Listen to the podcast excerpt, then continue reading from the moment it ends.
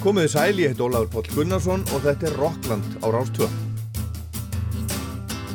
Fyrst, hvað segir fólk með syndan æðislega? Það veit það, þetta er bara sprengur slöku, hvað þú?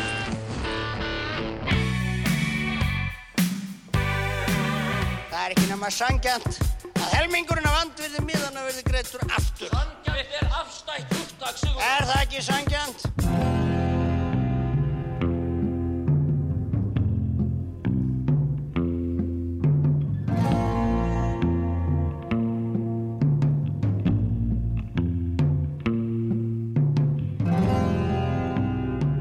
Það eru tvær kraftmiklar konur sem eru í aðalhauturki í Rocklandi dagsins, annars vegar er það Nanna Bryndís Hilmarsdóttir úr Garðinum, Nanna úr Of Monsters and Men sem var að senda frá sér fyrstu sólarplötunum sína.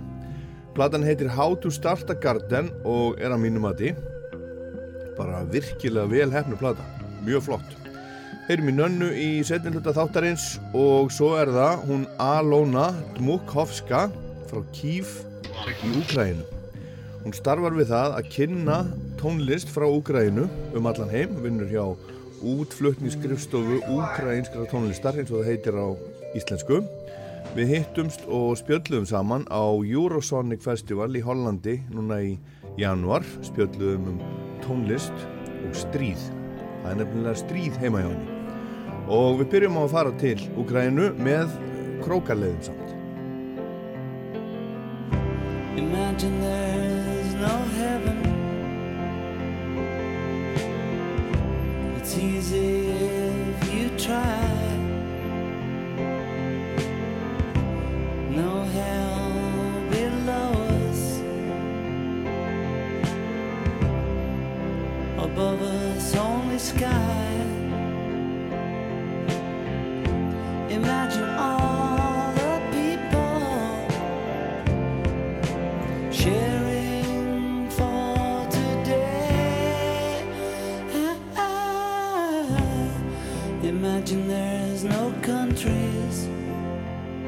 Þetta er auðvitað Imagine, lægið hans Lennons, það sem sungið er um frið á jörð, bara ef við losnum við trúarbröð og þjóðríki og það allt saman. Og þetta er ekki útgáðan sem við heyrum oftast heldur þetta fyrsta, uh, fyrsta takan af, af læginu. Þetta er Nicky Hopkins að spila á piano með Lennon og, og Alan White og trommur til dæmis.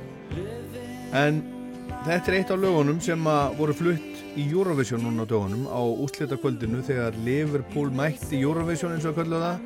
Liverpool meets Eurovision. Þá sett saman lagasirpa uh, á Eurovision með hinum á þessum, þessum listamönnum sem fluttu lög frá Liverpool. Og það sem okkur fannst auðvitað skemmtilegast hérna á Íslandi var þegar, þegar Daði sögum gammalt laga eftir hljómsveitina OMD sem var setna vinsalt með Atomic Kitten. En Eurovision er í raun hápolítís fyrirbæri en samt er í reglánum að það eigi að halda allir í pólitík frá Eurovision. Eurovision var sett á lakirnar soldið í þeim tilgangi að Evrópu þjóðir gerðu eitthvað skemmtilegt saman. Evrópa var auðvitað að ná sér eftir hörmungar setni heimstyrjaldarinnar sem lauk 1945 og orðið Eurovision var fyrst notað árið 1951 bara 6 árum eftir stríð Var bresku bladamæður sem að hétt George Campbell sem að notaði þetta orð Eurovision í Evening Standard þegar hann var að segja frá sjónvastætti frá breska ríkisútarpinu BBC sem hann var síndur í hollenska ríkisjónvarpinu. Eurovision var svo notað yfir ímsa sjónvasviðburði sem Evrópu þjóðurnar stóðu að saman næstu árin og eftir viðburður frá einu landi sem var síndur í öðru og svo framvegis. Og söngvakeppnin sem kölluð er Eurovision Song Contest í dag hétt upphaflega European Grand Prix var fyrst haldinn í Lugano í Sviss 1956 og fyrirmyndin sem byggt var á var ítalska söngvakeppnin San Remo eða lagakeppnin sem að haldinn var eh, fyrst 1951 og þetta er náttúrulega lagakeppni, þetta er rauninni verið að veluna laga höfundana eða hvað, fyrst og næst. En það má segja að stærsta hlutverk Eurovision sé fyrir utan að skemta Evrópabúum kvöld eða tvö eða fleiri á vorin sé að stöðla að, að samheldni í Evrópu. Það er svona uh, kannski stóra markmiðið.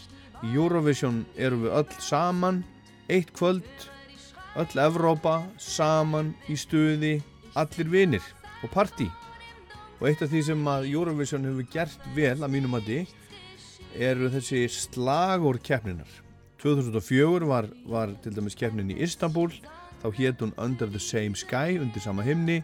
2005 í Kiev, Júgrænu, Awakening. Svo var það til dæmis Moskva 2009 þá var ekkert slagurð Malmö 2013 We Are One. Við erum, við erum eitt. Kaupmannhöf 2014 Join Us. Vínaborg 2015 Building Bridges, Byggjum Brýr Stockholm 2016 Come Together Kiev aftur 2017 Celebrate Diversity Fögnum fjölbreytileikanum Lissabon 2018 All Aboard Tel Aviv 2019 Dare to Dream Sound of Beauty í Torino í fyrra og svo núna í Liverpool United by Music og hvað er þetta að segja okkur? Jú, þetta er í rauninni pólitík, þetta er svona friðarpólitík og ef að uh, það er ekki eitthvað merkilegt, þá veit ég ekki hvað. Friðarpólitík er kannski bara merkilegasta pólitík sem er til í heiminum. Og það er EBU sem að stendur að Eurovision European Broadcasting Union Samtök Evróskra sjónvastöða og útastöða Stefania, mamo, mamo, Stefania rozkvitaje pole, a vona syvi Заспівай мені, мамо, колискову. Хочу ще почути твоє рідне слово. Вона мене колесала, дала мені ритм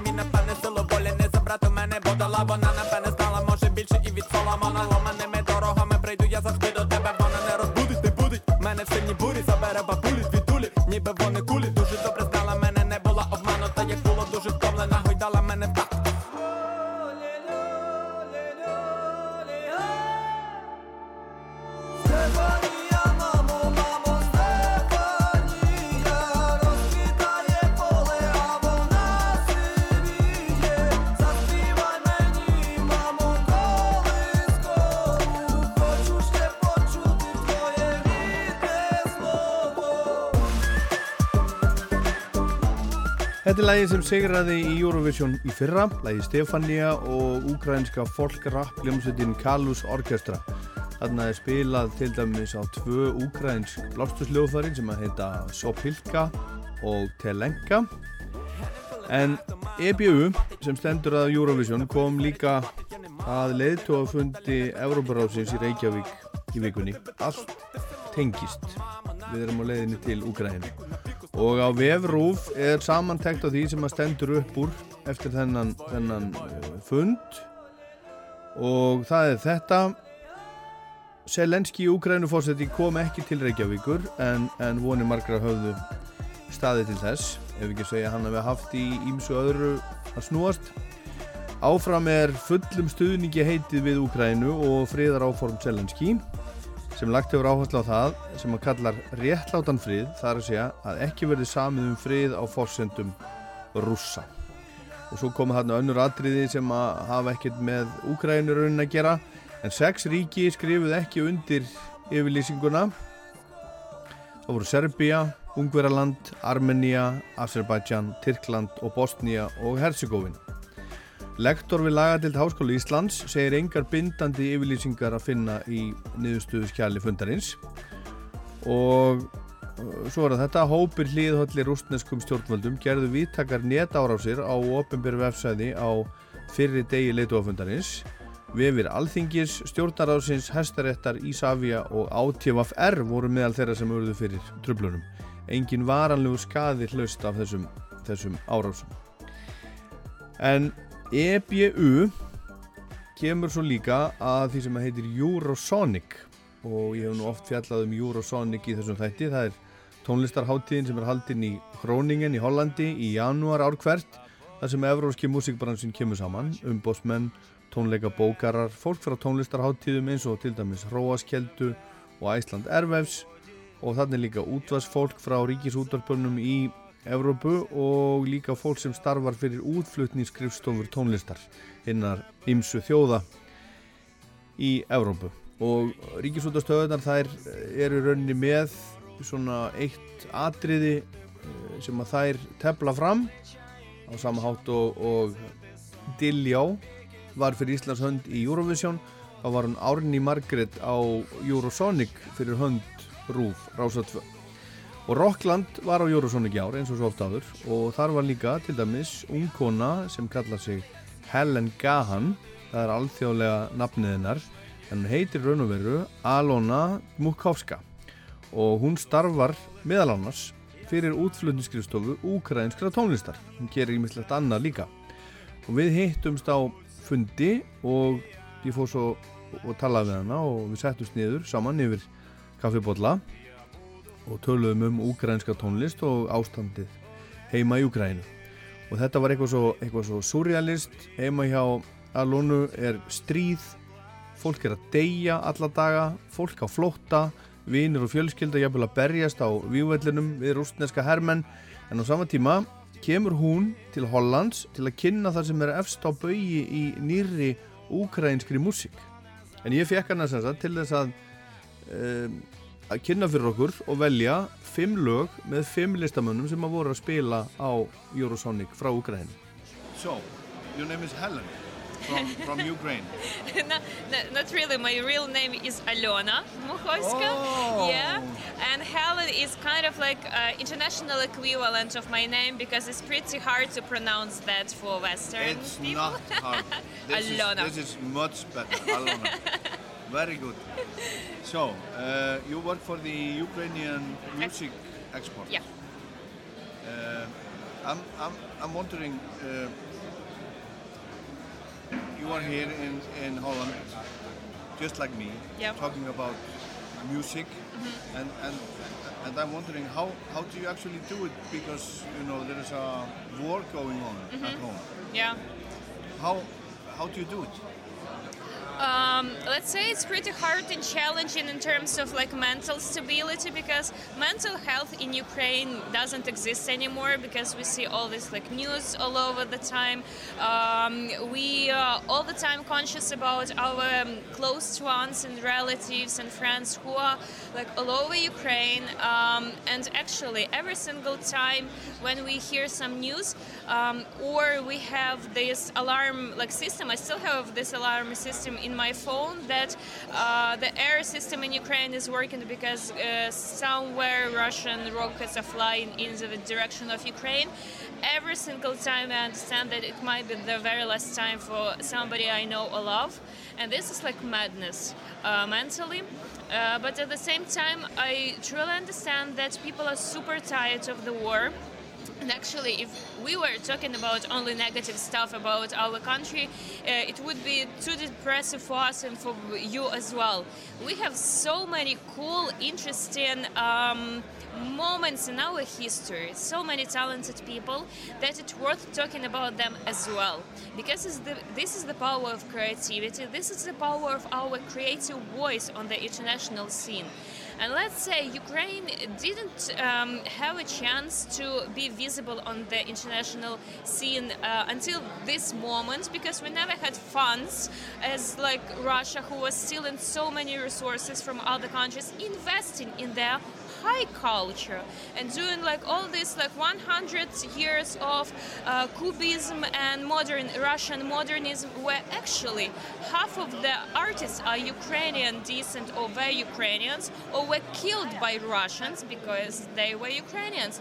And we are diving deeper into our history by ourselves uh, rethinking ourselves but also hopefully mm, making Europeans familiar with us as part of the whole European community because until that there was no need and actually no interest in that. And this is our mission also to be as visible as possible on the international level, uh, to build the future. Okay, we are not able to change the past, but we can build the future. when strangers are coming. They come to your house, they kill you all and say, we're not guilty, not guilty. Where's your mind? Humanity cries. You think you are God, but everyone dies. Don't swallow my soul, our souls. Yaşlığıma toyanlar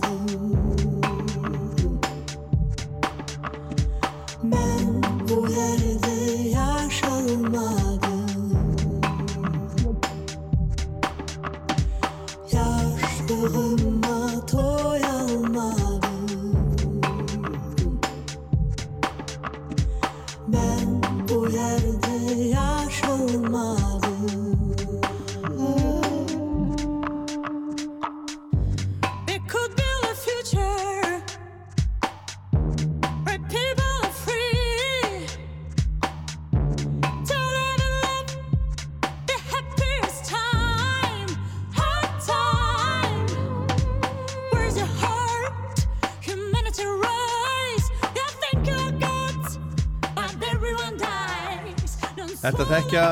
margir. Þetta er ukrainska söngkonan Jamala og lægi 1944 sem hún sigraði með í Eurovision árið 2016.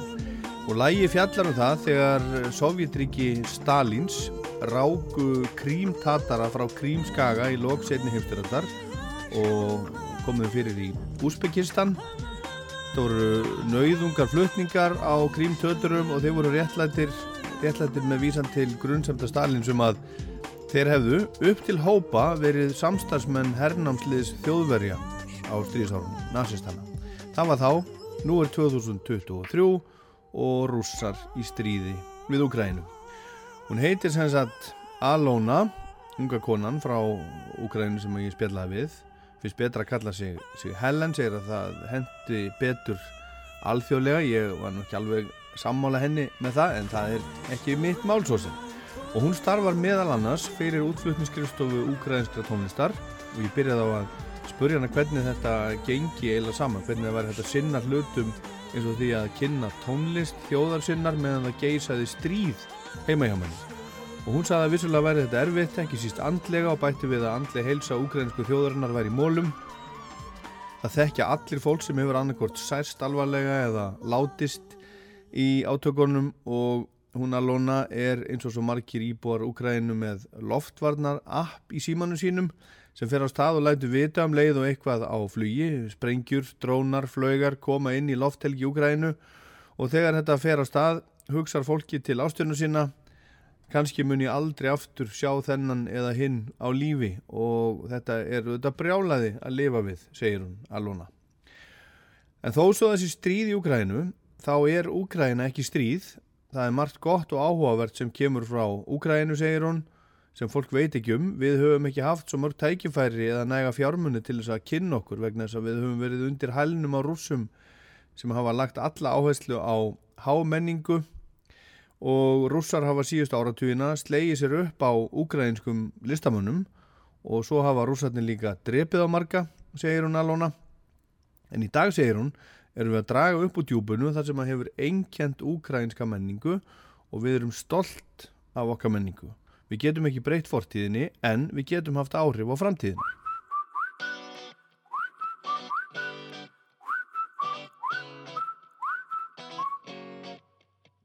палаючи вогнем в своїх серцях, ми маємо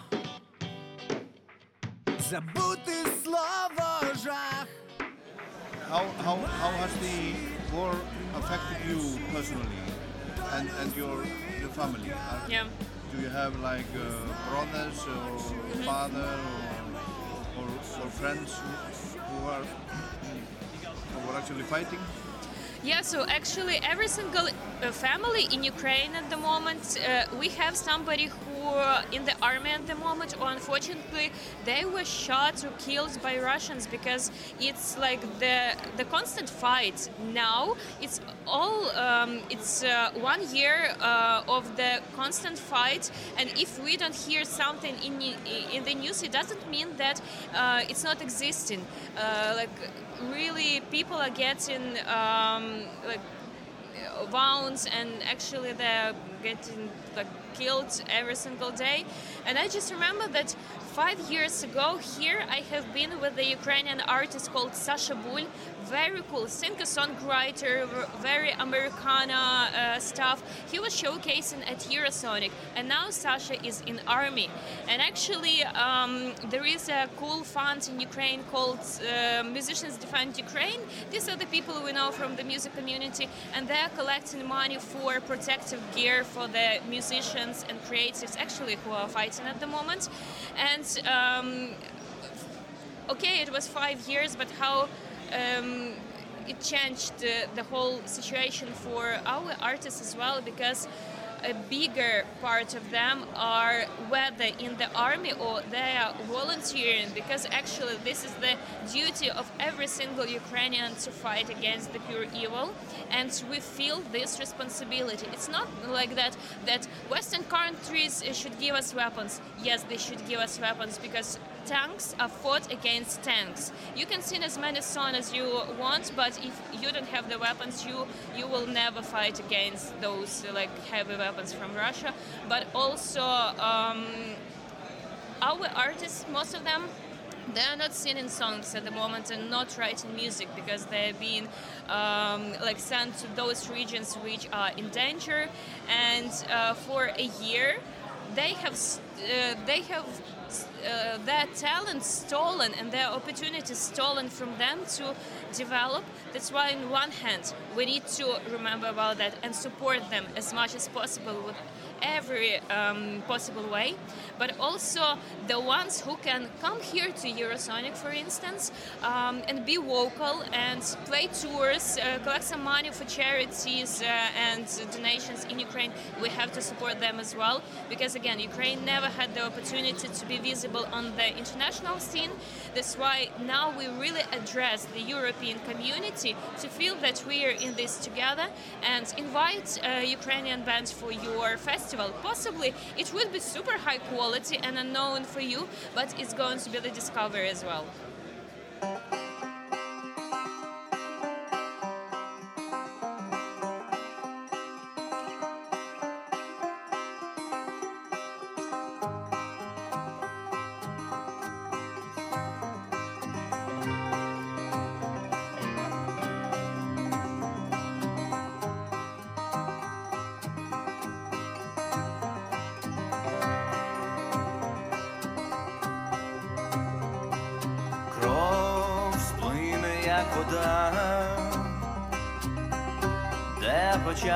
tam kinę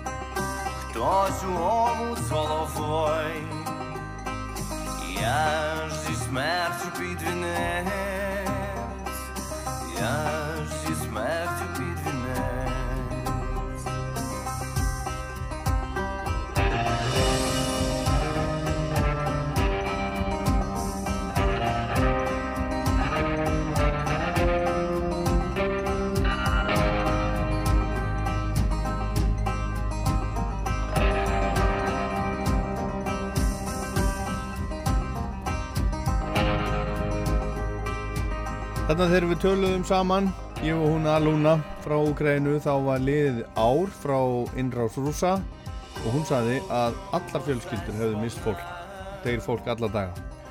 Og hún saði að fyrir fimm árum hafa hún verið á Eurosonic Festival líka, þá með ukrænsku söngvaskáldi sem heitir Sasha Búl. Það er hann sem við erum að hlusta á hérna, en nú er hann að berjast í stríðinu.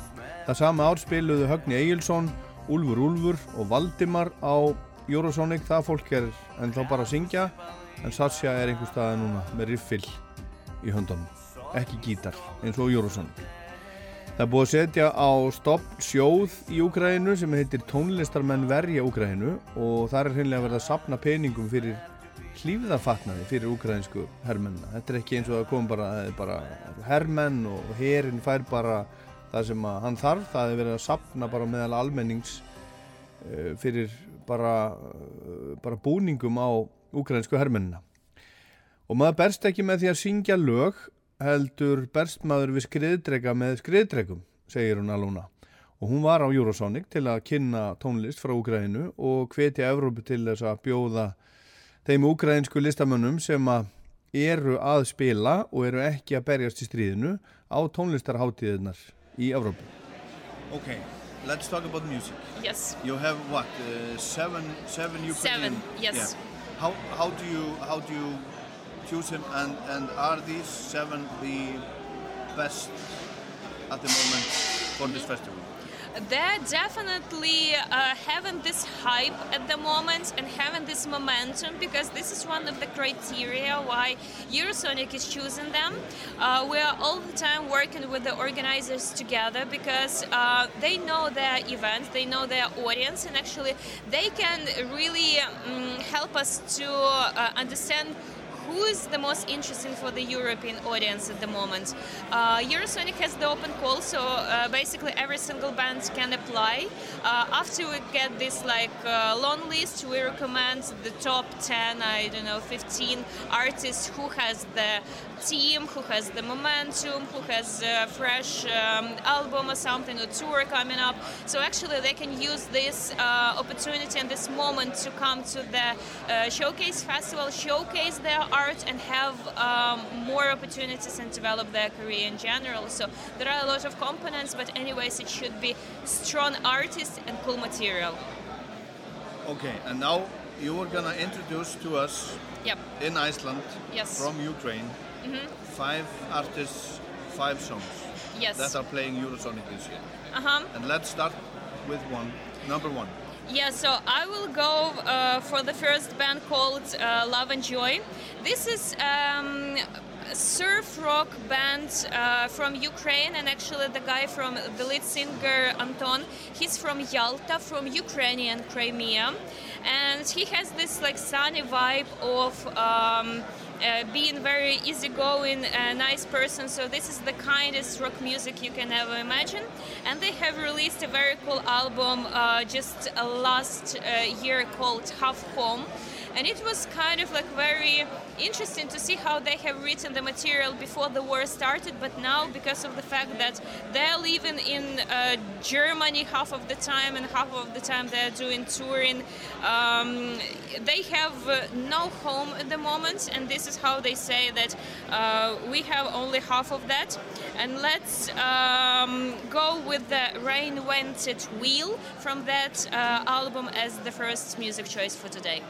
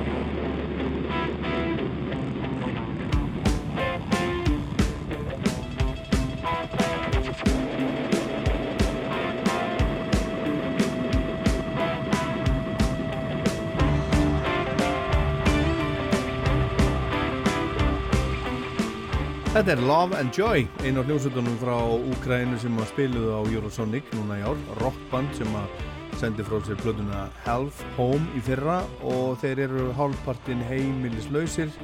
Þessi náungar saðun Aluna eins og svo margir aðrir landalega Já, við sitjum hérna ég og Alona frá útflutningskristofu ukrainskarar tónlistar á Eurosonic Festival og hún er að velja fyrir okkur fimm lög með fimm listamannum sem er að spila hérna á Eurosonic frá Ukraínu and Alona, artist number two Yeah, so it's going to be the band Krapka Koma. Um, this is the duo Krapka. Koma. Uh, this is the duo of uh, Ukrainian two female producers. The ladies are just gorgeous. This is very uh, tender electronic music, smartly pro- produced. And actually, um, to give you the insight on the uh, project itself, these are like two uh, friends who just like doing music together. They're doing the bookings by themselves. They are participating in different international projects. They are happy to write for other people. They are writing uh, music for uh, like scores for films. They are doing mixing and mastering for other people. These are like super music uh, gifted people uh, who are playing very nice and tender music. Uh, so I would say we should go with the um, uh, song "In My Room" from their album. And why it's in, uh, also important because every single time when you're streaming their song, they're uh, donating money to the need of Ukrainian fund musicians defend Ukraine. Ladies are actually collecting money to to support um, our people um, with the protective gear and actually everything what they need at the moment, except of their art.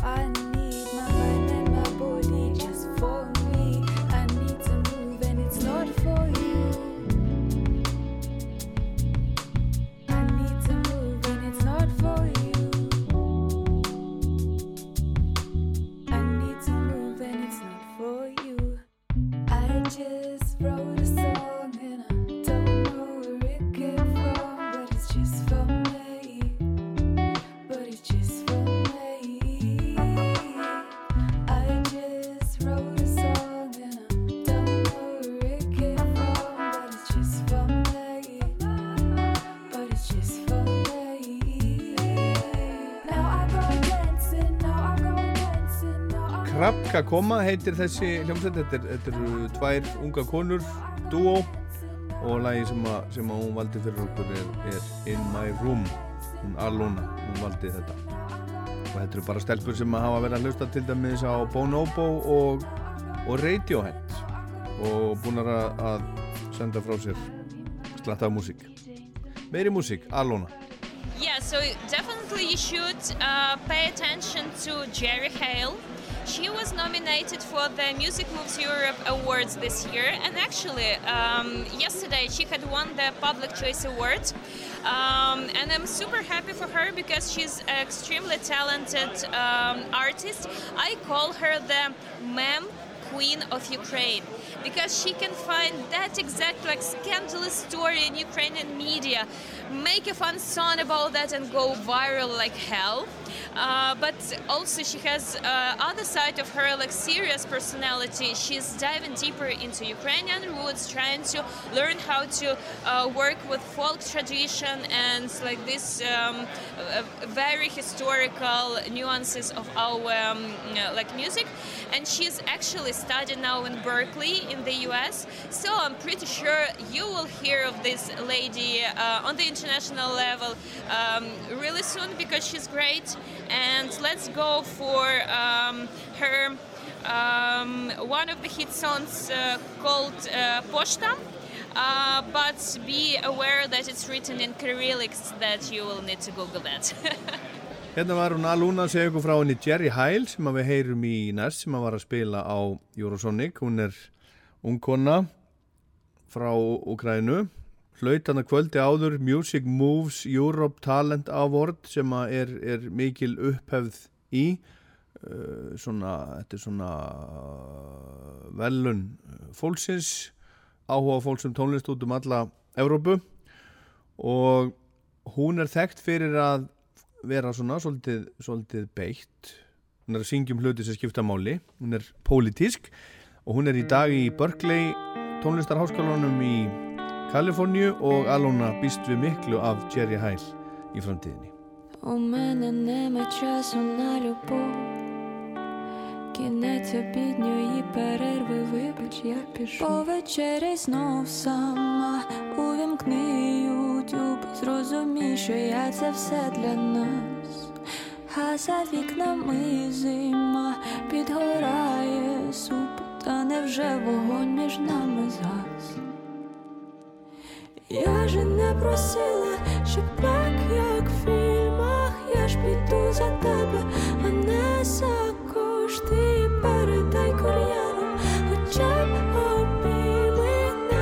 надійшли цілунок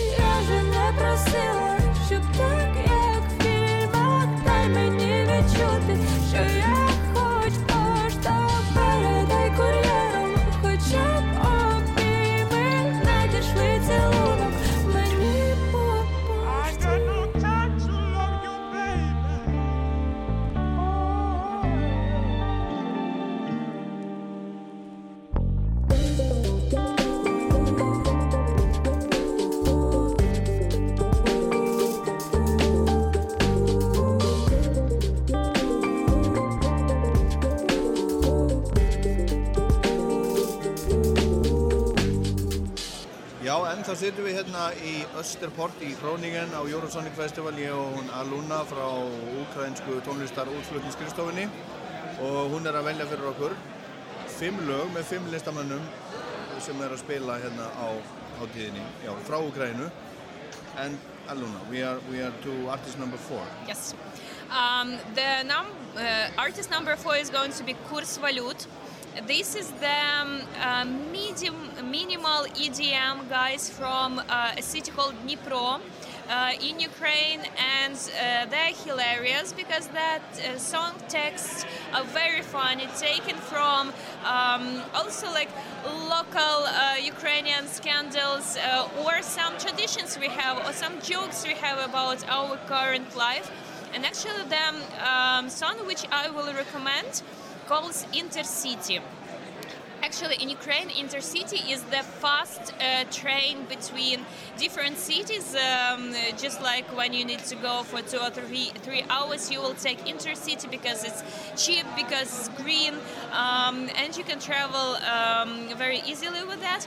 And you have a lot of stories happening in those trains, um, connecting different types of the um, uh, regions of Ukraine. Some of them they can go for 10 or 12 hours even.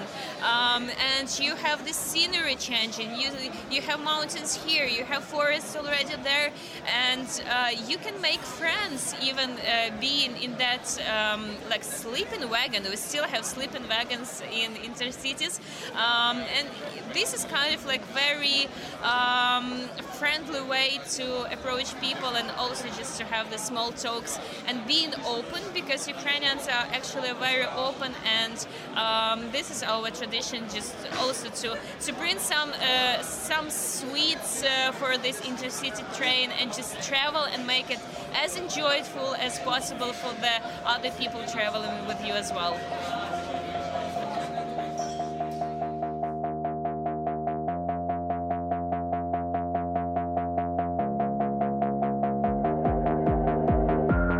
Panie Stuart Посмішка твоя է սալատկա եւ այս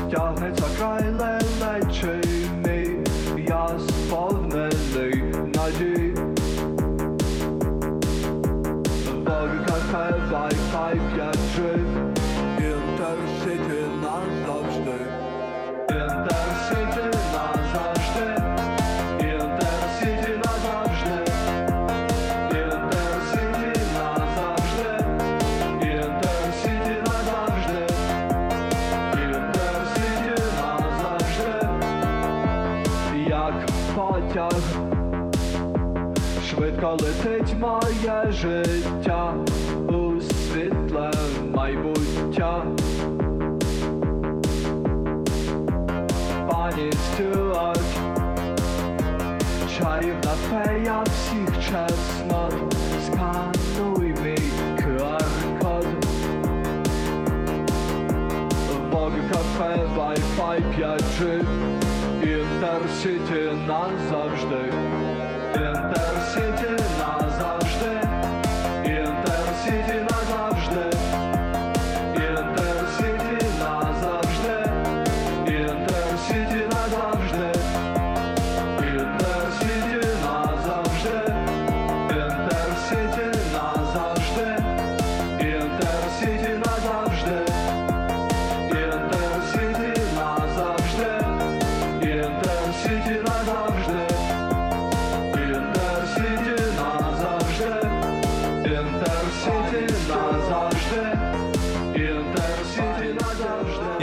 hljómsveit frá Dnipro í Ukraínu, Electro Duo sem voru starfandi síðan 2017 og heitir Kurs Valut.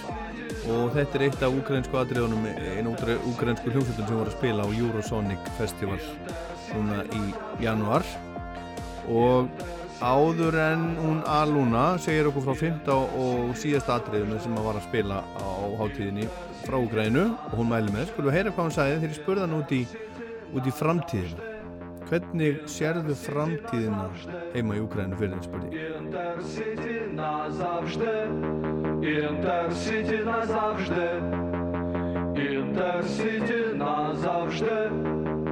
Um, it's hard to predict, but I'm trying to stay positive because I want to believe that um, the truth and something rightful will, will uh, win over the evil. And this is actually our duty to make it happen. And um, I really believe that humanity knows how to learn from own mistakes and um, will be able over the next, I don't know, couple of months, years. Unfortunately, it can be years, but to protect the democracy and um, really support Ukraine in all possible way. Uh, because uh, if Ukraine fails, the whole Europe will fail, and actually, unfortunately, you can be the next ones. Uh, because um, I have seen a lot of um, like pity and people are sorry about the situation, but I haven't seen um, much um, eagerness of justice in Europe. And the peace is impossible without justice, unfortunately. So I would like really um, that the justice was the uh, rule for the whole um, world community and we we could meet with you next time here at Eurosonic discussing just music industry and creative stuff rather than uh, social collapses and war. Alona sagði þarna þegar við tölum saman í janúar að það var erfitt að spá í framtíðina. Hún segir reynum að vera jákvæð, sannleikurinn og réttlæti mun sigra á endanum. Sáðun, það er mikilvægt að standa vörðum líðræðið og mikilvægt að þetta stoppi í Úkrænu svo þetta haldi ekki áfram að breyðast út um Evrópu. Hún segist hafa orðið vörfi mikla samkend og vorkunsemi en stríð eru ekki unnin með því, það þarf réttlæti og friður er ekki mögulegur án réttlætis því miður. Réttlæti og friður eru grundvallar hugtök fyrir framtíðheimsins og hún á sér þann draumi brjósti að næst þegar hún kemur á þessa tónlistarháttíð, Eurosonic Festival í Hollandi, getur hún einbeitt sér að því að tala um skapandi hluti, tónlist en ekki stríð og hörmungar. The last artist is going to be Daria Kolomiets, and actually she's playing a um, DJ set today. She's a DJ, and she uh, she is uh, discovering uh, the music of Ukraine from 60s and 70s. We even have the code name of that era called Mustache Funk. Because actually, yes, it was like funky, very soul-y, very cool, um, uh, fresh uh, pop and rock music written uh, at those times uh, when actually Beatles were like big. And if that um, scene could develop in Soviet Union time and wasn't killed or banned like it was uh, after Brezhnev um, uh, have found out that oh something strange is happening. They're being invited to play in Canada. They're playing like 300 concerts in um, in one season. How is that possible? That's a bad influence on Western culture. We should ban it and for decades and decades it was like a hidden story of Ukrainian uh, music and that is doing a great job going to archives uh, going to different types of flea markets to find the most rare vinyl you can uh, ever imagine. And she's going to play the best set today and I will send you some uh, examples of her work as well. I really hope you will enjoy it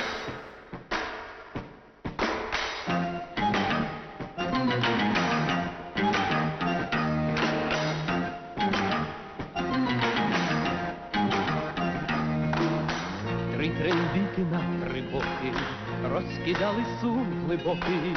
Трембітаю, трембітаю, туруруруру. А я піду, я піду на четверту сторону, на дорогу на широку, може ми виперемо. А я піду, я піду на четверту сторону, на дорогу на широку, може ми виперемо.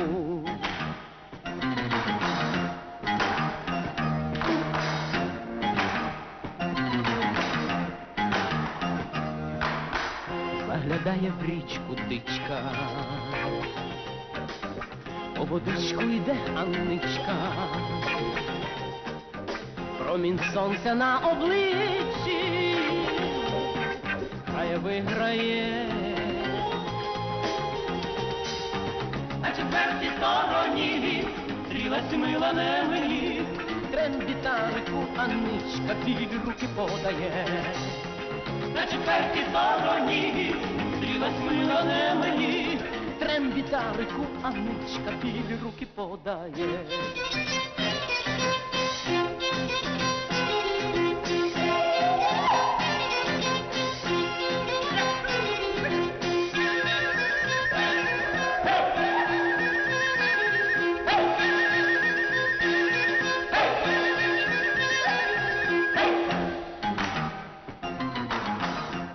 Þetta er gamalt, þetta heitir Via Kopsa, þetta er hljómsveit, þetta er úr sjónvarstætti frá 1974 þegar sjónvarpið í Úkrænum var svartkvít en hún er duglega að spila svona músík, hún Darja Kolomiek sem er DJ, hún, hún spilar dansmúsík, disco og ímislegt og flettar inn í svona gamalt úkrænst pop. Hún er 34 ára frá Kív og hennar hlutverk í dag er að spila músík, músíkanara, úkrænska músík fyrir eins marga og hún, hún getur. Og það er fullt af, fullt af svona DJ mixum með henni til dæmis á YouTube.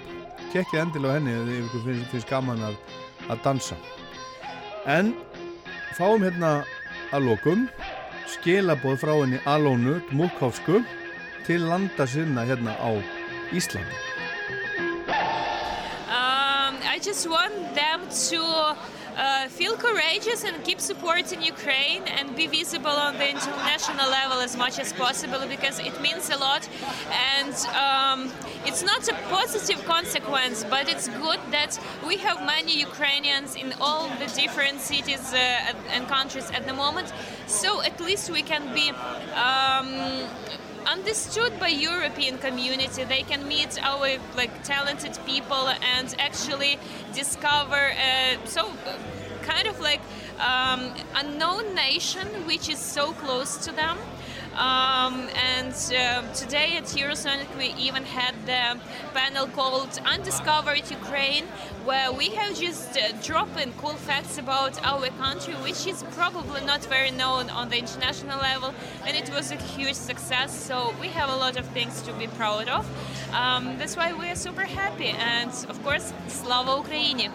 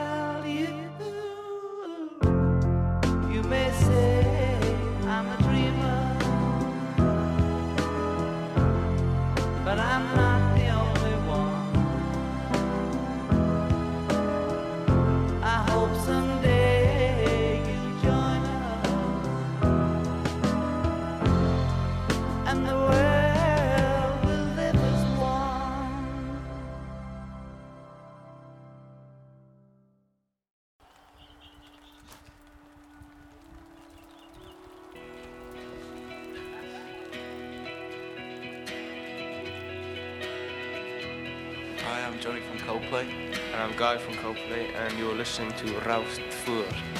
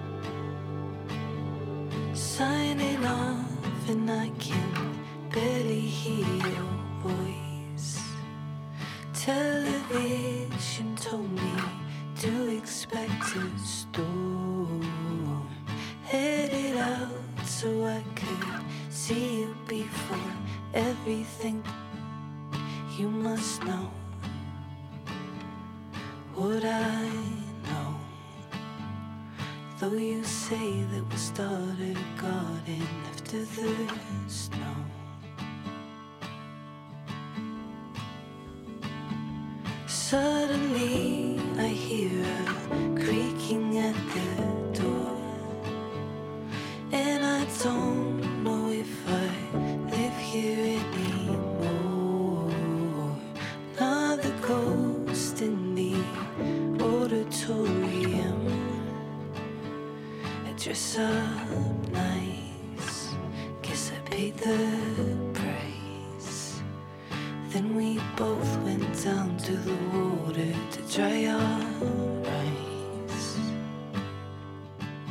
sem við heyrum hér, þetta er upphafslaga nýra plödu, fyrstu sólaplödu Nönnu úr Of Monsters and Men. Hún heitir How to Start a Garden og í fréttatilkynningu segir meðal annars How to Start a Garden táknar nýtt upphaf. Laugin eru jamt draumkend og jarðbundin í senn og fjalla um að upplifa sér smá týnda en von góða á sama tíma og að halda rósinni í hvers konar stormi. Og það er líka sagt að á meðan Nanna hafa verið að semja plötuna þá hafa hún eitt talsverðum tíma í að dásta falli um garði nágranna síns. Garðurinn er eins konar samtal við ástíðunar, allt er í sífældri enduníun, vex, dafnar og deyr.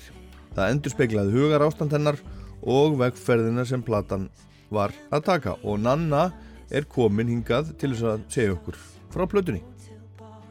Velkomin Nanna og til hamingju með, með nýju plötuna þeirra. Takk fyrir. How to start a garden Hvað er hérna, ef við bara byrjum þar Hvað, hvað, er, hvað, er, hvað er þetta að pæla þar? Já, sko, how to start a garden. Mér finnst þetta bara svona, svolítið, svona falleg spurning kannski.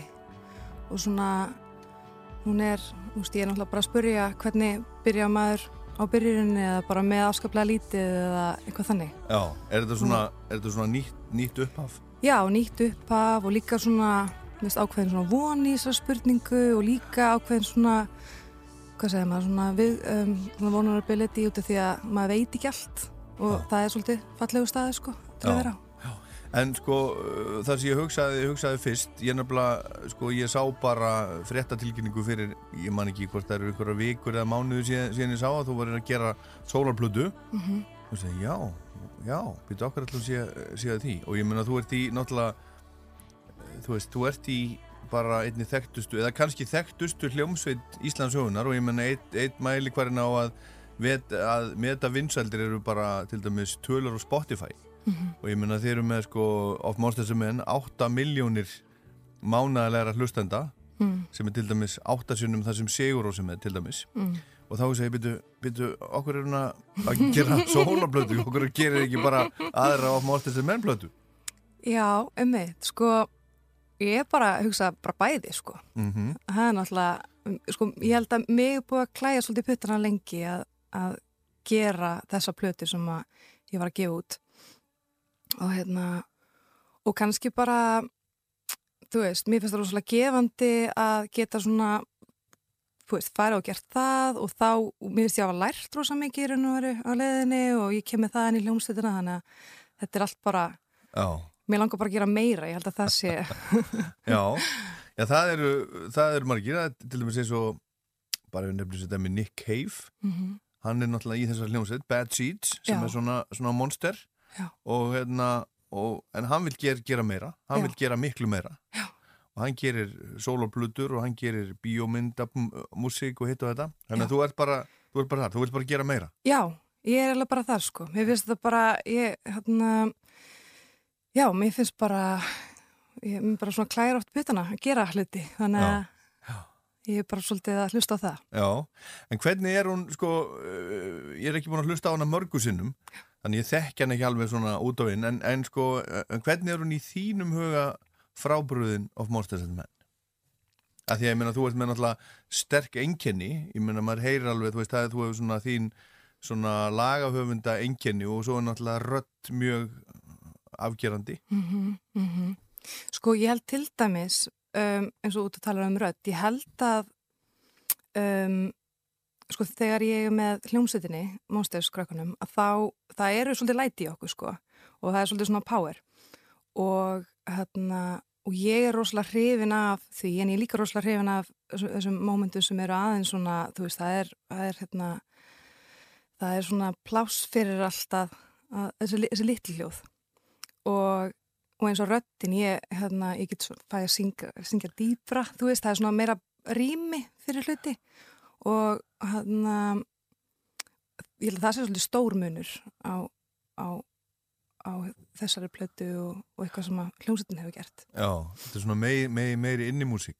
Þetta er meiri inni músík, þetta er meira svona, ég, svona, stundum, svona headphone músík sko, Já. þetta er svolítið svona tónlist sem að maður svona kannski uh, maður er svona einn með sjálfum sér, en kannski ekki ég, Já. svo sem veit það ekki, en- kannski er þetta gott fyrir partí en, en þá, þá hugsa ég, ég líka sko, þú veist, ég menna, er ekki, er ekki sko, er ekki pláss fyrir það innan, innan hljómsveitarinnar, þú veist, er ekki, er ekki pláss fyrir meiri svona, svona dýnamík, er það eitthvað sem hefur rætt og svona?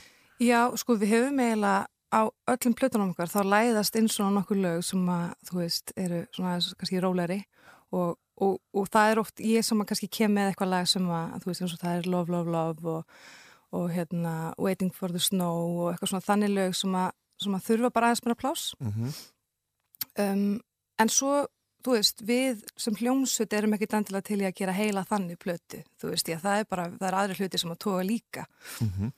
þannig að þetta er svona þessi plata sem ég var að gefa út, hún er bara svolítið bara það sem að nákvæmlega sem ég langar til að gera og ég fæ bara útrás fyrir það og, og ég þarf það svolítið þú veist, ég er bara með svo mikinn svona hérna það tóka svo stert í mig sko þannig ég gæti ekkert hunsa það einhvern veginn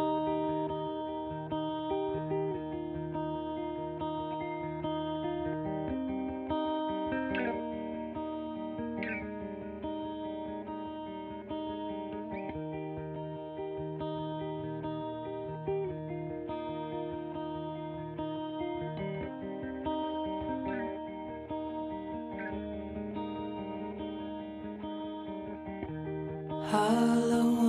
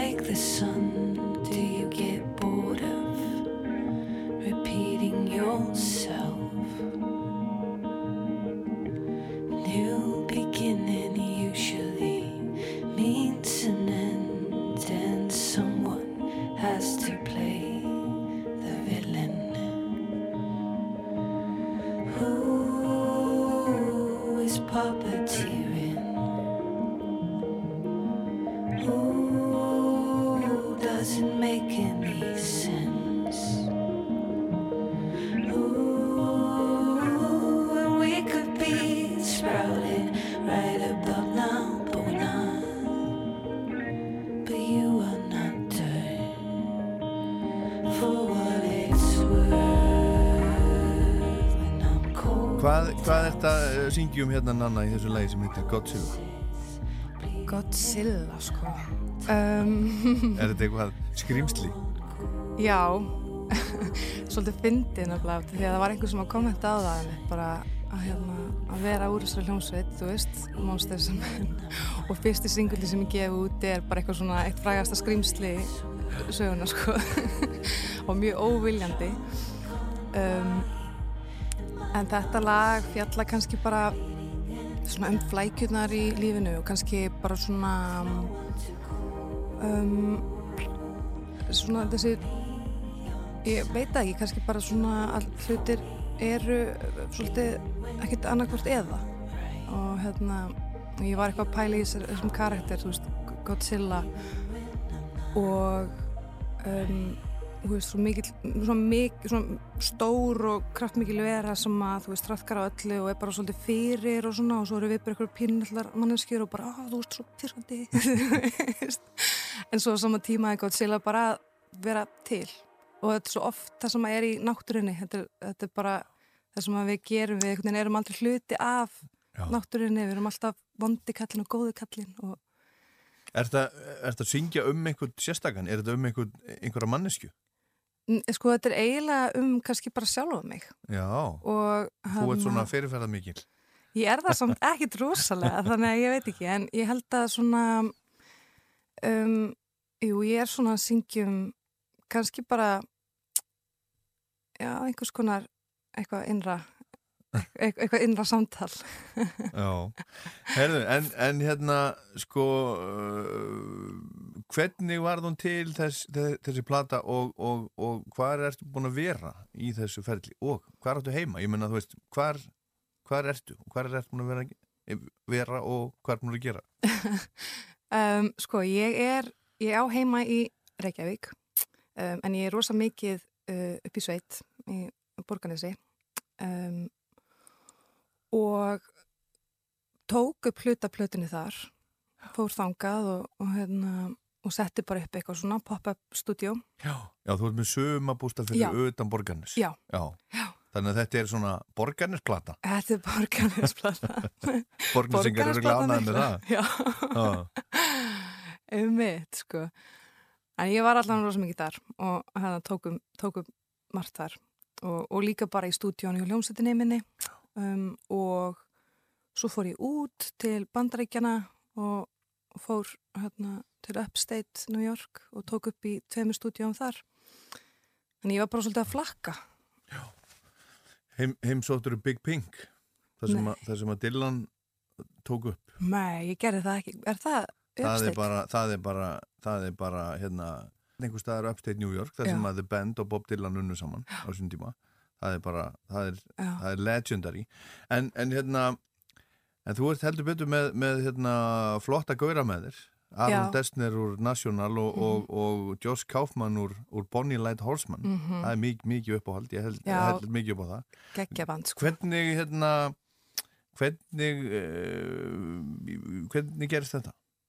Sko, þetta var, þetta gerði svolítið þannig að, veist, ég var búin að vera að vinna plötuna bara aðalega hérna heima og, og hérna, eða bara alveg hérna heima, segi ég, og hérna, og var svolítið, ég, ég var bara að finna fyrir því að ég þurfti kannski að komast aðeins út fyrir bara mitt eigið, þú Mhm. veist, og hérna, og fer þá bara aðeins að skoða í kringum mig og það er svona sameileg vinkon okkar sem að kynni mig fyrir Aroni Desner Mm -hmm. og þú veist, hún bara sendur hann tónlist og bara eitthvað, hei, þú veist, hún er að gera eitthvað, langaði að gera eitthvað með henni og hann bara eitthvað, já, geggja, gerum eitthvað saman, þú veist, og svo bara var eitthvað úr því og við hittumst bara og það var rosa gaman og svona svipa með, með, með Josh, sko um, og bara bæði þessi samstöru voru frábær og, og trúlega svona já, ég grætti mikið á því bara Já. svona, hvað ég, mér fannst ég svona læra margt og, og já Hvað, uh, hvað unnu þeir mi mikið með þér? Sko, þeir sem sagt um, ég co-prodúsaði tvö lög með Aroni og hann prodúsaði eitt. Þannig að það var þrjú lög af plötunni sem hann kom að. Og með Joss þá prodúsaði hann tvö lög af plötunni um, og svo var hann svona, hann er svo geggjaði sko, hann, hann Joss, hann er svona hann er bara svona multi-instrumentalist og ógeðslega klár og býr til svo fallegar, þú veist, hann svona dansar kringum all lægi á gítarinn. Mhm. þannig að hann, þú veist, spilaði á nokkuð lög líka þar sem að hann hérna hann Já, já, þannig að hann er bara sagt, á, á plötunni svona Já, hann er út svona um svolítið svona út um allt svona, svona maður dreif, dreifður sko Mhm. Já. En hverjir eru hérna, hérna aðrir með þér? Svo er Bjarni Þór Jensson Já.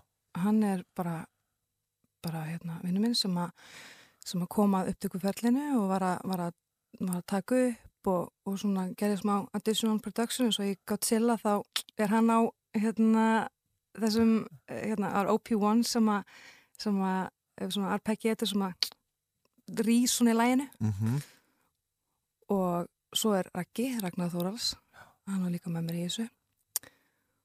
Um, og svo bara alls konar rosalega þú veist eins og Viktor Orri Mhm. hérna, hann, hann spila á strengi og svo eru strákar úti hérna, Stuart Bóki og Dave Nelson sem eru á brass og það er bara svona, þú veist, samasapna af alls konar það eru kláru bara, fólki bara hinir og þessir Já, maður, Já. maður svona gætt hóað í nokkra góða Já Herðu, um hvað ertu að syngja á uh, Crybaby? Mm. Crybaby um, veist, Þetta er bara eitthvað svona eitthvað, eitthvað ímólag sko Já, ég er bara eitthvað svona smá að kannski hlæja af, af hérna einhverju svona Já, ég er bara eitthvað lítil í mér segjum það bara Do you love me? I can take it. Do you think we can somehow make it?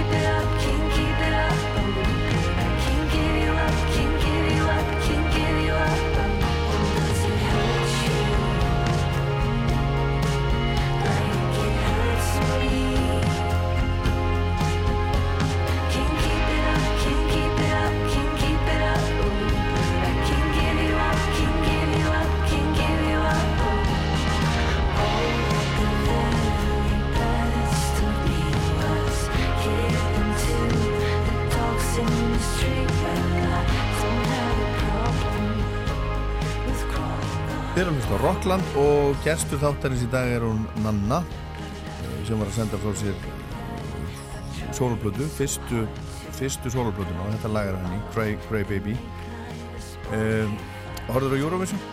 Já, ég var að Eurovision, alveg, já, algjörlega Horður alltaf, horfur alltaf á Eurovision? Já, ég gera það, ég dýrka Eurovision sko. Ég veist þetta alveg bara snildar keppni. Já og, og uh, kustu? Nei, æ, ég gerði það ekki. Mér fannst eitthvað svo erfitt þegar við vorum ekki með, sko. Ég horfði Já, og ég ákvaði að halda með Finnlandi. já, af hverju? Æ, mér fannst það bara eitthvað svo, mér fannst þetta bara svo fullkomið Eurovision. Út af því að þetta er, þetta á að vera steipa. Þú veist, Já, mér. finnst það? Mér finnst það sko, mér varst hérna um, svo fannst mér bara læg, mér varst lægi bara skemmtilegt og náði mér og mér varst hann bara geggjaður og, og þetta var eitthvað algjör steipa, mér finnst það bara fullkomið. Já, en sko, svo, þú veist, þetta er náttúrulega orðin gömul keppni Mhm. og, og hérna, og það var náttúrulega heilmikil, heilmikil pólitík í keppninni, ég menna til dæmis eins og eins og sko, ég, ég var nú að játa það, ég þekkti nú ekki öll lögin sem voru þarna í sko lokin, það sem mm Mhm. var svona Liverpool meets Eurovision, Já, já, ég já. var svolítið hissað að það væri til dæmis ekki bítlalag, Já. þetta tóku Imagine Já, sem er náttúrulega svona friðarlag og, og svo endur þeir á You Will Never Walk Alone sem er Mhm. náttúrulega líka bara svona, þú veist, Mhm. samstaða og, og þetta var svona Úkraina náttúrulega átt í keppnina Mhm. og þetta var svona, var mjög mikil friðarpólitík í, í, í þessu öllu saman Mhm. en, en, en sko þetta er, þetta er uh, sko, þetta er lagakeppni lagahöfundakeppni Mm. en áherslan hefur breyst en þetta er meira orðin svona skemmtiatriða keppni já, einmitt. Þannig laga, skilur, þetta er atriðið staði geggjaður. Já, var mjög- flottur. Ó, hvað hann var flottur. Já. Það var eitt smá flott í honum. Já, en þú kaust ekki en, en, en hvernig, hvernig fannst þér til dæmis sigurlægið? Mér varst það bara flott. Mér varst það flott. Ég alveg, hún átti það alveg skilið, sko. Mhm. En ég, samt, ég var samt bara tím Finnland, sko. Já. En mér fannst hún alveg, hún er alltaf bara geggju og þegar hún, þú veist, fór upp á svið þá var maður pínu bara, já, ok, þetta er ekkit beint ykkur keppni núna, Já, skilur hún á þetta bara. Og rosalega, og það var bara svona að horfa eitthvað tónlistamindband, skilur Já. þetta var bara rosa, rosa flott. Og hún er vist á leiðinni til Íslands Já, til að vinna með Ólaf Arnalds Akkurat, ég heyri það. sem að þú hefur unni með Já. þannig að erum við að tala um Þetta Óli, Nanna og Lo- Loren já, bara, við kannski bara eittustu í kaffi og... En, en hérna uh, þú veist, átt einhver áhugamál önnur, önnur en tónlist Um, já, ég hann að ykkur áhuga mál, ég er alltaf, ég er, ég er í kera mikið, ég veist það múið að Er það? Yes, Já, ég er hérna með leir á skónum sko. já, já, já, já og hvað hva ertu búið til? Ég er bara að búa til alls konar, ég er hérna, þú veist þetta klassiska náttúrulega er bara svona bollar og, og eitthvað, um, en svo finnst mér mjög gaman að gera eitthvað svona skúltúra líka. Um, og ég myndskreitir og svo mikið, þú veist, ég kannski er að búa til eitthvað bolla eða blómapott eða lam, eða, uh, vasa eða eitthvað og svo mér mjög gaman að myndskreita með svona einhverja, einhverja svona myndasögu Já, sem, ert að mála þá á eða? Já, og svona risti í, sko, Já, já. mála yfir svo risti ég Já, já. í Og er, er þetta nýtt áhugamál eða er þetta eitthvað sem þú hefur verið að gera bara lengi? Sko ég hef verið að gera þetta síðan kannski 2016. Já, já, en þú ert búin að vera í þessu nokkur ár. Já, ég, Og nærðu einhverju svona, einhverju ró í þessu? já, ég gerir það sko og mér finnst það líka sko þetta svona út af því að ég, það, ég, það er svo lítil rútína í, hjá mér sko í lífinu og það, mér finnst það svona, svona svolítið erfitt sko. Þannig að þetta er ákveðin rútína. Ég mæti bara þarna og geri þetta og það skiptir ekkert annan eftir einu máli. Ég er bara að leira og það er eitthvað mjög, og svo er þetta líka skapandi, þetta er svona öðruvísi sköpun. Svona, En, en hvað séu, rútína, það, þú, þú meinar að lífið er, þú ert eh, í svona rútínu lífi? nei, ég, mér finnst sko, mér finnst finnst gott að hafa- hafa Mér finnst rútínu? gott að hafa rútínu. Uh, af því að eh, það er svona, stundum er mikið að gera og þá er bara, þá næg kannski að skapa rútínu í því, en stundum er minna að gera og þá, eða þú veist, þetta er bara svona, svolítið svona tónlistarlífið, kannski. Já. My tangled love,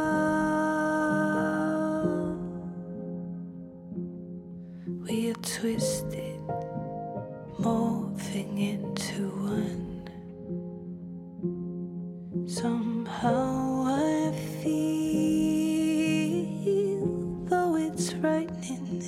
this is forever, eternal in and all. I cannot hold you, but it's harder to let you go than try. If you don't know if you can see in colors, how do I know that you can see me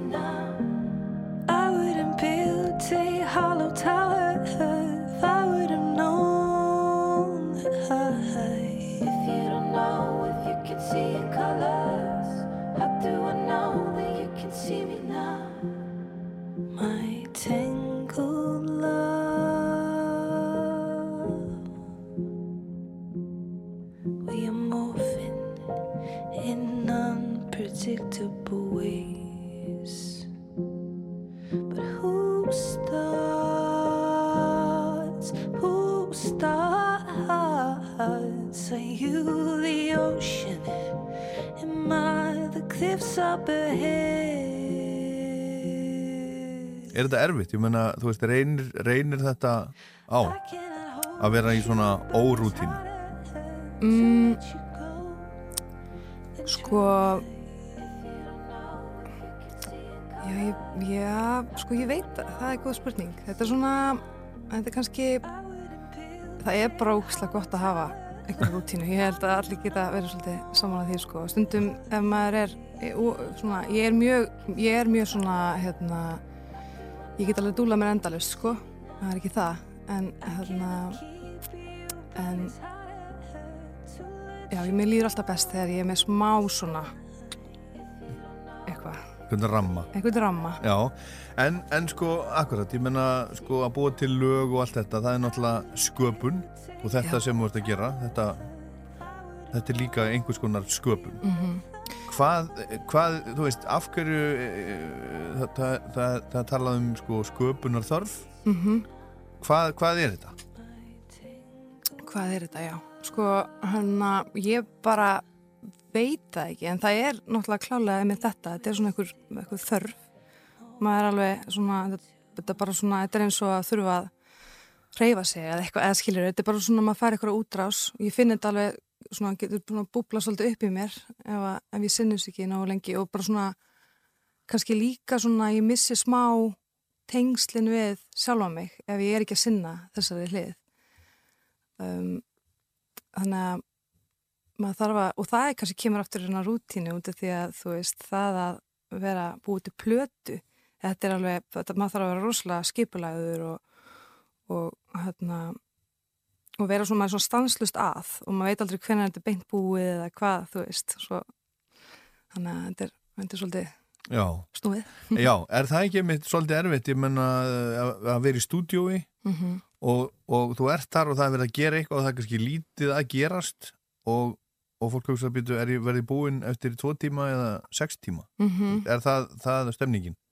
Já, svolítið sko, svolítið og hérna og þetta er, þetta er svona, svona mis, þú veist, eins og þetta er eins og með, með strákanum sko, með, með ómamstrákanum að þá eru, höfum við reynd að búa til bara svona hálfgjört vinnu um eða það sem að er bara, að mæta klukkan tíu eða eitthvað og við erum bara búin klukkan fimm Já. þú veist og það er alveg svolítið heilbrygt og gott en svo stundum þá bara virkar sköpunar geðan bara alls ekki þannig Nei. og maður finnur bara ok, við erum að klúma fimm en það er allir bara í stuði núna Já. þú veist, það getur verið svona það er smá trikki Já, haldið að- áfram þá? stundum stundum höldum við áfram. Um, ég veit allan að þegar við höldum ekki áfram þá verð ég svolítið bara svona oh. svo eins og maður hafi mistað einhverju sko. Og það er líka gott að vinna svona kvöldin þá verður maður svolítið súr og þá gerist eitthvað ekstra gott. Já, segðu okkur frá milk. Herru, Milk er hérna það er svolítið skemmtilegt því að ég vann það lag með Aroni Desner og hérna og þegar ég fór til hans að þá ég var eða ekkert, ég, var komin langt að leið með plötuna mína. Og hérna og ég var eiginlega ekkert, ég fór ekkert með neitt til hans, svona, ég fór með eitt lag, ég fór með Crybaby og ég vissi að það var svona lag sem við getum unnið saman í en svo var ég svolítið bara svona, pff, svo bara sjáðu til. Mhm. og ég hérna, við fórum að fara ekki um gömul demo og þá kom lag sem að, hérna, poppaði upp lag sem að er í dag milk en hljómaði þá allt öruvísi og þetta var bara svona lag sem ég var algjörlega búin að gefa upp á bátinn. Og við fórum bara að setja þú við píanóið. Og hann svona, fór að spila það og hægði svolítið á því og svona og neða hraðið á því fyrir geðu og þá þurfti ég að hans að svona þú veist, aðlaga meldíuna, ég veit ekki, þetta var svona þetta var bara svolítið gaman, það var gaman að hitta einhvern og vera alveg komið ógeða einhverju hugmynd og viðkomandi er að nálgast þetta frá alveg bara nýjum stað og þá bara gerist eitthvað sko, klikkar eitthvað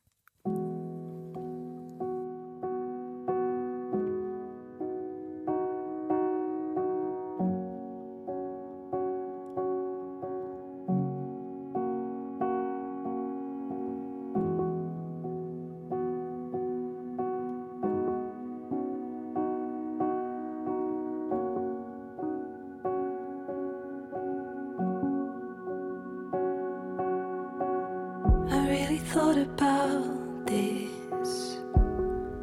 No, I don't say a lot, but this has been weighing on me. I couldn't help it.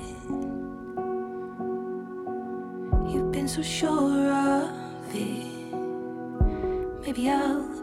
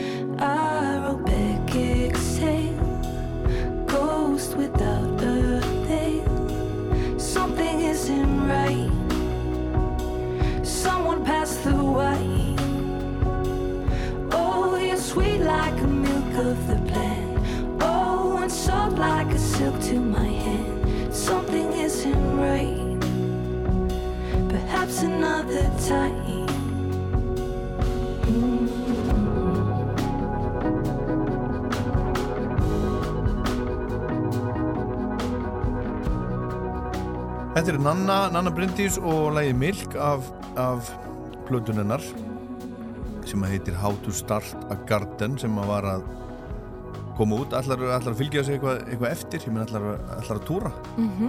og hvernig? Herði, sko, ég ætla að túra. Uh, förum hérna til Ameríku uh, í, við byrjum 16. júli og erum þar í mán Já, og erum bara að flakka svona í svegar og ég er með bara band með mér. Mjög kláru og flottu fólki. Sem eru? sem eru uh, hérna uh, Maggi Tryggva trómari og Tómas Jónsson Já. pínuleikari uh, Rakel Sigurðar sönguna og hún spila líka fiðlu og, og hérna og svo Bjarni Þór Jansson Já, þannig að þau, þetta er geggjaður hópur. Ég er úkslega spennt og Já. að spila með þeim og, og við erum búin að, við vorum aðeins, fórum aðeins til Ameríku núna um daginn og, og vorum að spila svona saman fyrir fólki við skipti og það gekk bara rosalega vel og það er svona góður andi sko. allar að spila eitthvað ein Mm, já, öruglega eitthvað já. en það verður svona aðeins að koma í ljós Já. Já. En hvað, hérna, hvað er að frétta af, af hljómsveitinni? Skrýmslinu, það Já. kom út, kom út plata náttúrulega 2019 og Mhm. svo kom COVID og svona. Uh, hljómsveitin er ennþá alveg bara Mhm. í stuði. Hún er bara ennþá í stöði sko við erum bara núna að um, vinna í, í hérna nýri plötu. Þannig ég er búin að vera svolítið þetta er svona mjög áhugaveru tími. Ég er svona að vinna, að gefa út plötu og allt sem fylgir því. Já. Og svo hoppa ég bara inn í stúdíu með strákanum líka. Er það, það, það er ekkert erfitt að svona kljúfa sér svona í tvend það er svolítið trikki Já, ég skal trúa því. Já, þetta er svona en, en þetta er einhvern veginn að virka akkurat núna allavega. Já, og við erum komin nokkuð langt að leið þannig að þetta er, þetta er svona þetta er bara spennandi sko smá hérna, hérna einskot ég, ég Mhm. vildi bara spurja þig er þið sama þó ég smelli myndar og síman og með, með þess að tala svona, Aha. ok algjörlega Það er minn gamli ha, laga hár þú, ert, þú ert mjög fín. Herðu, en hérna en hvað uh, hvað, hvað finnst, finnst rákonum í, í, í hljómsveitin um, um þetta, þetta brasaðir? sko, þeir eru bara þeir eru held ég nokkuð, eða ég held ekki, þeir eru nok, bara mjög glæðið með þetta sko, ég, að þú voru að spyrja þá. en hérna, já, þeir hafa bara verið ótrúlega svona supportive, svona stiðað mig algjörlega í þessu og mér finnst það svolítið hérna, svona, búin, að- raun og vera, búin að vera mjög fallegt svona hvað, hvað hérna, það hefur allt gengið vel. Já, Já. engin, engin, ó, anskotin. Hvað er hún að pæla eða? Nei, alls ekki, þú veist, og ég náttúrulega hef, alls ekki búist við því af þeim, skilur, en, en hérna, það er ekki þannig, það er allir bara útrúlega glaðir með þetta og þú veist, svona, að ég veit það ekki, svo er þetta bara eitthvað, algjörlega tjóðsir stúlur, gæjar, sko, En, en hérna, en sko, svo, svo, sko þegar ég var að, ég var að hlust, hlust á plötuna og, og svona hugsa um þetta, við varum að fara að hittast og hugsa, já, kannski er þetta svona eins og, þú veist, ég menna, einn daginn þá stökk hún og tók þátt í músiktilrunum, Mhm.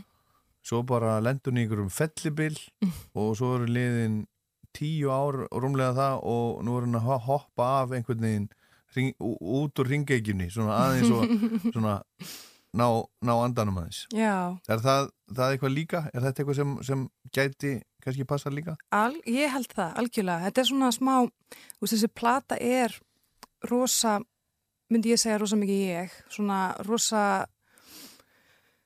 um, þú veist, eitthvað sem er búin að fylgja mér alveg lengi og hérna, og það er alveg smá, um, það er alveg smá svona á einhvern nátt svona skeri að, að fara út fyrir skrimsla hérna pakkan en mínar væntinga til plötunar hafa alltaf verið bara, þú veist, mér langar bara að þetta sé gaman og mér langar að gera eitthvað sem að það sem ég er rosalega samkvam sjálfur í mér. Og hérna og það er bara algjörlega það sem að, mér, mér líður að ég hafi gert það með þessari plötu, sko Ætlar að spila á landamseturinn í Borgarnesi? Herru, þau verða bara að ringi í mig, sko Ég held að það væri alveg það mjög... væri svolítið cool, sko Mm -hmm. Herðu Nanna, hérna, uh, takk fyrir komuna.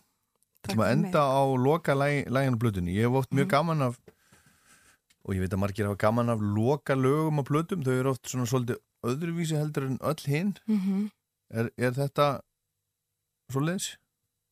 Já, sko ég syng á íslensku um, sem er náttúrulega, ég geri það ekki alla plötuna fyrir bara alveg í blálókin og hérna þannig að það er náttúrulega stór og það er svolítið mikil munur Mm -hmm. En um hvað, um hvað er þetta lag? Seabed sko sko málið er Seabed er svolítið svona sko, mikið af þeim þeim manni á plötunni er það að maður er svolítið svona leitandi sko og, og maður er ekki með sörin og hérna og ég held að stundum þegar maður, maður kemur svona, maður er búin að vera að lesa bók og maður kemur að endanum, þá fær maður svarið, þú veist, það er svona svolítið. En mér langaði mér finnst þessi tilfinning að, að raun og veru að enda eitthvað og þú ert ennþá bara að spyrja sömu spurninga vera svolítið spennandi. Og síbet er svolítið það, maður er bara ennþá svolítið að pæla. Og ég sko lægið endar um, í svona stórum svona opnum kapla og, og svo þegar lægið er alveg í blá lokin þá um, heyrur fugglasöng og þú heyrir svona eins og að opnast og, og þú, fer, þú ferð út. Og svo þegar platan byrjar aftur þá er fugglasöngur þú veist þannig að mér langaði alltaf að pælingin væri að þetta væri bara endalus ringið og við erum alltaf bara að pæla. Og við erum aldrei, það er ekkit maður hérna sem að stó, þessar stóru spurningar það eru bara endalusar einhvern veginn Til hamingjum með þetta. Takk fyrir I know that I am wrong.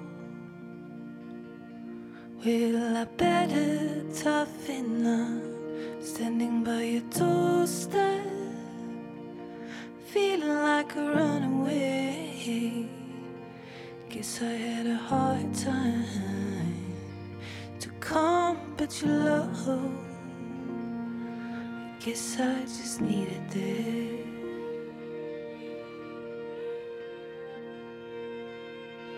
Will you just laugh it off? and you cut me off guard. And I was never lonely, but now I'm feeling like an only child. Let me sink into your arms. You're the ocean floor. I guess I just needed that. I guess I just needed that. Would you offer me affection? Turn off the light. Some things are so you and I. If I wasn't lost in the middle, just past your house, I'd say that it's nice that we're trying. Would you offer me affection? Turn off the light. Some things are clear in the night. If I wasn't lost in the middle, just past your house, I'd say that it's nice that we're trying. I know that I am wrong.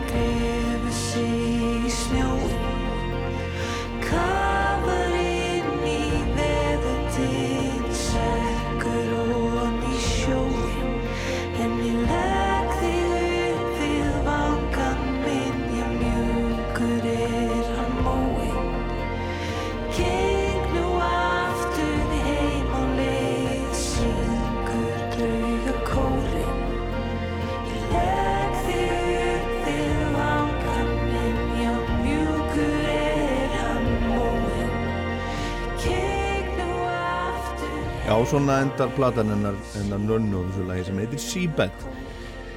Og ég ætla að endur taka það sem ég sagði hérna fyrir þættunum mér finnst þetta alveg hrikalega fín plata hjá henni, hjá henni nönnu. Það er svona, svona róleira yfir henni heldur en, heldur en tónlist of Monsters and Men yfirleitt.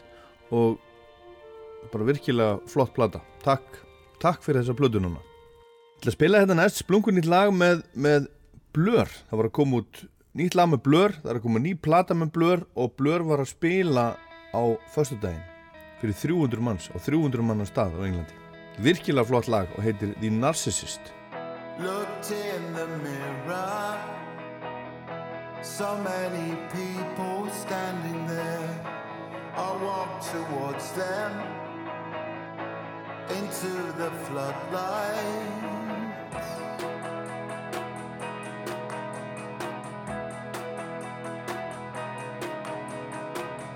I heard no echo. There was distortion everywhere. I felt my ego. I felt Roberto standing there.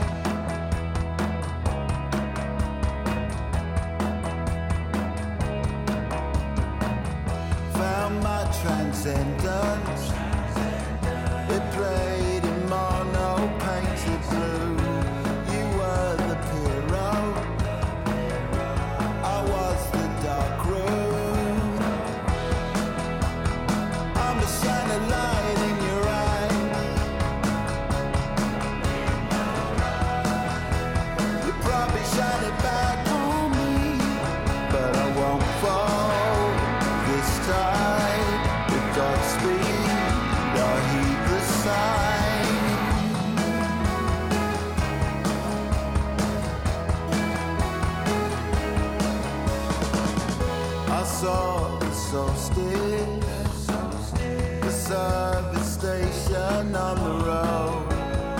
Took the acid under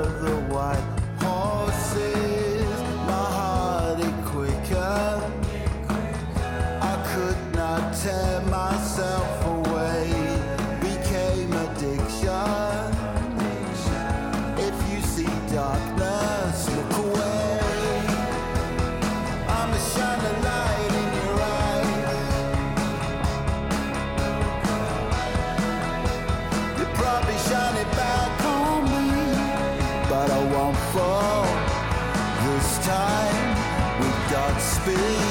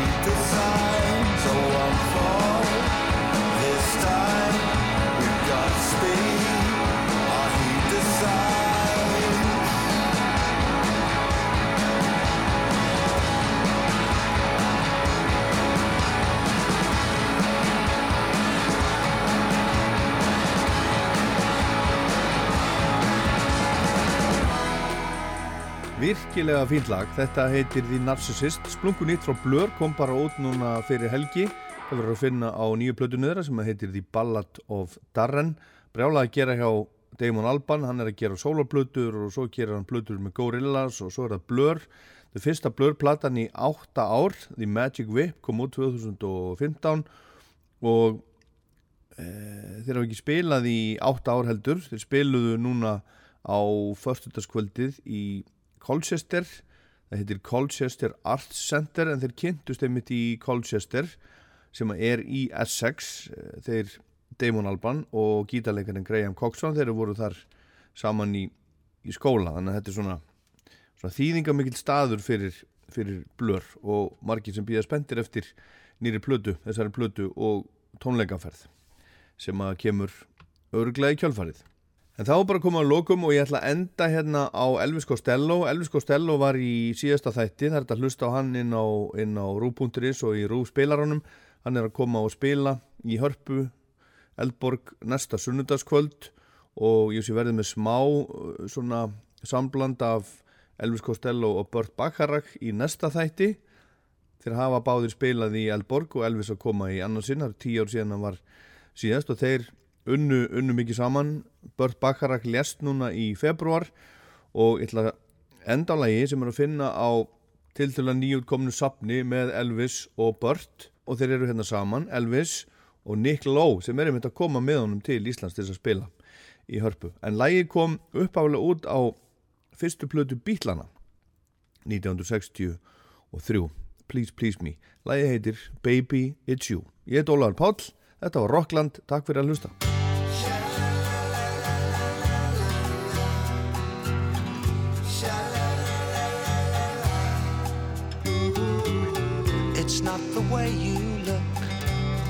That touched my heart.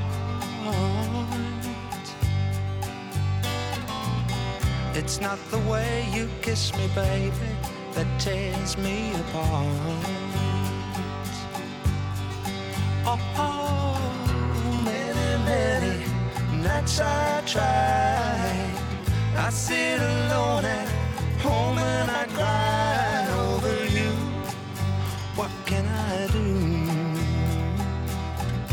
can't help myself. Cause baby, it's you.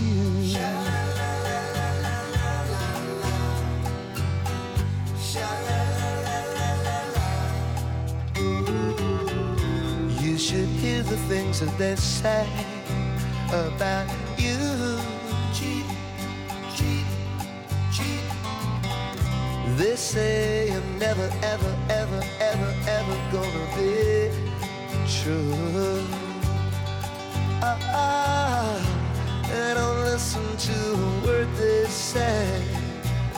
I'm gonna love you any old way. What can I do? It's true. Can't help myself. Cause baby, it's you. You.